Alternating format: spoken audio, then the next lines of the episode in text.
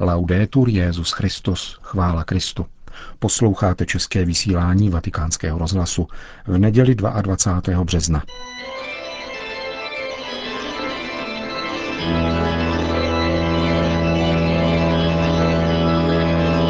Církev a svět náš nedělní komentář.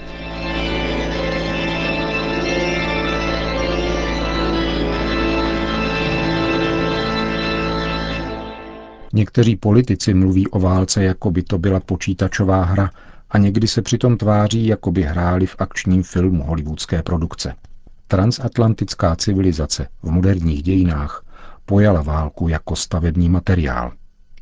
Je experimentálním potvrzením závěrů anglického přírodovědného samouka jménem Darwin, jehož vágním scientistickým mýtem se však řídí spíše tržní ekonomika než biologie – v obecném lidském povědomí je však tento mýtus, směšující přirozený výběr s násilím, neustále mediálně kultivován napříč celým politickým spektrem. Politické scéně však autorství nepatří. Je pouze masážním salónem občanských nálad. Zpráva věcí veřejných již dávno stojí na technokratické iluzi lidské vlády všech nade všemi – Radikální zesvědčení pozemských skutečností, a to zvláště politického počínání, nutně vedlo ke vzniku anonymních idolů státu a vlasti, které si navzdory deklarovanému nezájmu o transcendentní dimenzi lidského bytí nepřestali činit nárok na absolutní poslušnost svých občanů, včetně prolití jejich krve. Co pak se Evropané před stolety vzájemně nezabíjeli právě proto, že byli nuceni povinně jak se říká, bránit svoji vlast. Krve prolití první světové války se proto tehdy odvážil nazvat pravým jménem pouze papež. Masakr, který Benedikt XV. nazval zbytečným, byl z ryze pozemského hlediska skutečně absurdní. Neznamená to však, že nebyl zamýšlen, ale že nebyl veden dobrým úmyslem. Před stolety přinášeli Evropané oběti na oltář vlasti v důsledku idolatrie národa panovníka či republiky. Rozmanitost idolů nahrazujících stvořitele svobodu nezaručuje, a když, tak pouze směrem ke vzájemnému nepřátelství a vraždění. Dějiny však pokračují dál.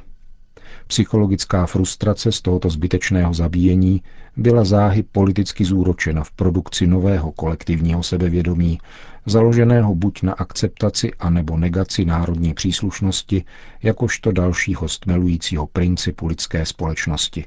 Objevily se explicitní státotvorné ideologie, které národnostní cítění buď přijímají, anebo umenšují. Nacismus a komunismus. Ideologizace, korupce a institucionalizace spolu úzce souvisejí. Ideje, které jsou z hlediska logiky popletené, potřebují bohaté finanční dotace, aby bylo možné je vtělit do veřejných institucí, které potom masově korumpují a zároveň ideologizují občany celé společnosti. Také šíření bludů prošlo technickým pokrokem. Ideologie jsou totiž spojením myšlenkových koncepcí a koordinovaných finančních investicí. Peníze a lži mohou žít v dokonalé symbióze, ačkoliv média se již několik století snaží tvrdit opak. Technologický pokrok se totiž netýká pouze materiálního světa, ale také aplikace lidských myšlenek, dobrých či zlých. Velké kolektivistické ideologie 20. století, nacismus a komunismus, čerpali nejen svoje myšlenkové principy ve stejné novověké, zejména idealistické filozofii, ale pobírali finanční prostředky ze stejných zdrojů – a stejně jako první světová válka vedla k zavedení dalších důvodů ke vzájemnému zabíjení, byl i po té druhé světovější válce přidán další motiv, tentokrát přímo náboženský. V přímém televizním přenosu svět uvěřil v islámský terorismus, aniž by bral dostatečně v potaz fyzikální zákonitosti. Fabulace spřádající světové války jsou plodem nepřítele lidské přirozenosti, který je právě proto původcem lži – jeho návnady jsou různého druhu, ale jedno mají společné. Vzbuzují v člověku zároveň nadšení i odpor. Takže jsou schopny lidi jednak zatvrdit a stmelit a jednak naštvat a znesvářit. Už víc jak dvě století v Evropě působí sdělovací prostředky, které zahrnují týmiž informacemi, ale zejména emocemi, ale zejména emocemi masy lidí. Tyto informace a zvláště emoce lidi stmelují a zároveň rozdělují. Neřídí se totiž pravdou, poznanou, věřenou či hledanou, nýbrž zájmy, přáními a pudy, které zároveň vyjadřují i probouzejí. Sdělovacím prostředkům se záhy přestalo říkat masové či hromadné a dostali název společenské. Zní to výchovně. Ale výstižnější je termín média, který lépe odráží jejich ezoterní aspekt. Psanými, mluvenými a audiovizuálními sděleními přinášejí a pěstují intelektuální klišé a emotivní výlevy a rituály, které musí zachovávat každý, kdo usiluje o komunikaci a společenství s ostatními lidmi. Zbytek je už jen otázkou času.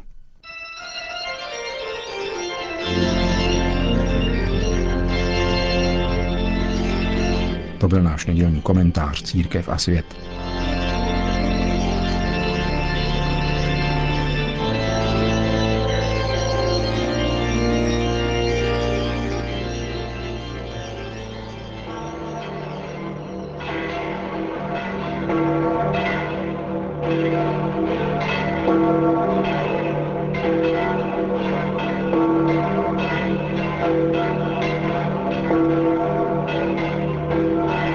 Poledne se na svatopetrském náměstí sešlo přibližně 40 tisíc lidí ke společné mariánské modlitbě Anděl Páně s Petrovým nástupcem, který jako obvykle nejprve podal krátký výklad nedělního evangelia. Cari fratelli e sorelle,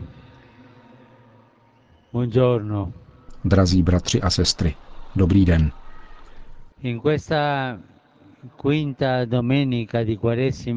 Tuto pátou neděli postní evangelista Jan přitahuje naši pozornost jednou kuriozitou, když uvádí, že někteří řekové, kteří přijímali židovskou víru, přišli na svátek Paschy do Jeruzaléma a obrátili se na apoštola Filipa s prozbou. Rádi bychom viděli Ježíše. Ve svatém městě, kam se Ježíš naposledy ubíral, bylo mnoho lidí. Jsou tu malí a prostí, kteří velkolepě vítají proroka z Nazaretu, ve kterém uznávají pánova posla. Jsou tu velekněží a starší, kteří ho chtějí zlikvidovat, protože Ježíše považují za nebezpečného heretika. A jsou zde také lidé, kteří jsou podobně jako oni řekové, zvědaví, rádi by jej viděli a dověděli se více o něm a jeho činech, z nichž ten poslední, tedy vzkříšení Lazara, vyvolal velký rozruch. Rádi bychom viděli Ježíše. Tato slova, stejně jako mnohá jiná v evangelích, překračují tuto ojedinělou epizodu a vyjadřují něco obecného. Zjevují touhu, která prostupuje epochy i kultury. Touhu, která se vyskytuje v srdci mnoha lidí, kteří slyšeli o Kristu, ale dosud se s ním nesetkali. Přál bych si vidět Ježíše. Tak to vnímá srdce těchto lidí. Nepřímo a prorocky odpověděl Ježíš na prozbu, aby jej mohli vidět, a pronáší předpověď vyjevující jeho totožnost a ukazující cestu vedoucí k jeho pravému poznání. Přišla hodina, kdy syn člověka bude oslaven. Je to hodina kříže. Je to hodina porážky satana, knížete zla, a hodina definitivního triumfu milosrdné lásky Boží. Kristus prohlašuje, že bude vyvýšen ze země. Tento výraz má dvojí význam. Vyvýšen jakožto ukřižován a vyvýšen jakožto povznesen Otcem ve vzkříšení, aby všechny potáhl k sobě a smířil lidi s Bohem a mezi sebou. Hodina kříže je nejtemnější v dějinách, ale je také zdrojem spásy těch, kdo v Krista věří.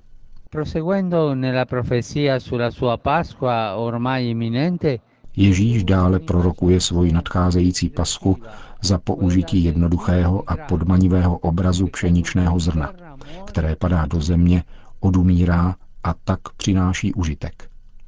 V tomto obraze nacházíme další aspekt Kristova kříže, tedy plodnost. Kristův kříž je plodný.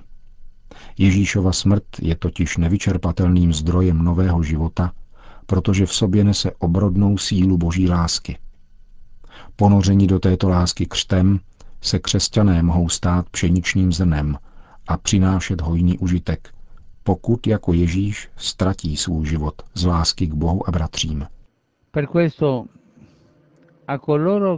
Proto těm, kdo také dnes chtějí vidět Ježíše a hledají tvář Boha, těm, kdo jako malí přijali katechezi a potom ji neprohloubili a možná ztratili víru, těm, kdo si ještě osobně s Ježíšem nesetkali, všem těmto lidem můžeme nabízet tři věci. Evangelium, kříž a svědectví naší víry. Prosté, ale upřímné. V Evangeliu se můžeme setkat s Ježíšem, naslouchat mu a poznat jej. Kříž je znamením lásky Ježíše, který dal sebe sama za nás. A potom víra, která se projevuje jednoduchými gesty bratrské lásky. Zejména však živou spojitostí mezi tím, co říkáme a co žijeme. Spojitostí mezi naší vírou a naším životem, našimi slovy a našimi činy. Evangelium, kříž a svědectví. Toto trojí, ať nám Matka Boží pomáhá přinášet. Che la Madonna ci aiuti a portare queste tre cose to byla polední promluva papeže Františka, který pak zmínil svoji sobotní návštěvu v Neapoli a poděkoval obyvatelům tohoto města za vřelé přijetí. Petrův nástupce potom připomněl Světový den vody, který připadl na tuto neděli. Na dnešek připadá Světový den vody, vyhlášený Organizací spojených národů. Voda je podstatným prvkem života, a na naší schopnosti ji opatrovat a dělit se o ni závisí budoucnost lidstva.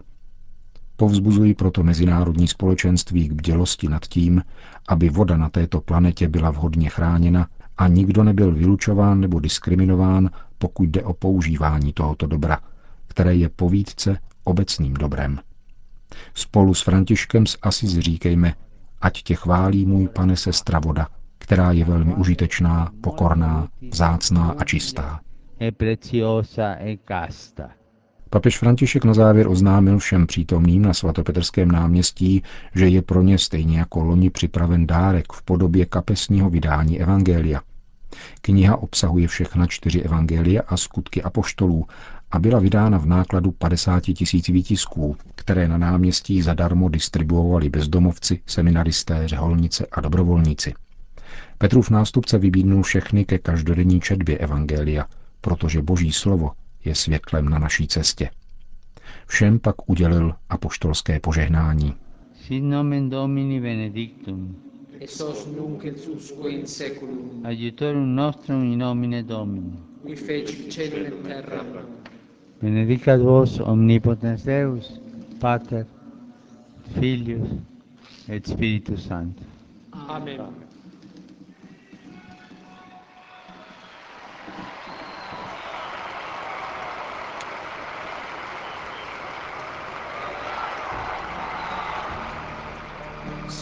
Laudato Dio Signore, per sorella nostra acqua, ella è casta molto utile e preziosa. Si laudato per frate fuoco che ci illumina la notte. Ed è bello, giocondo e robusto e forte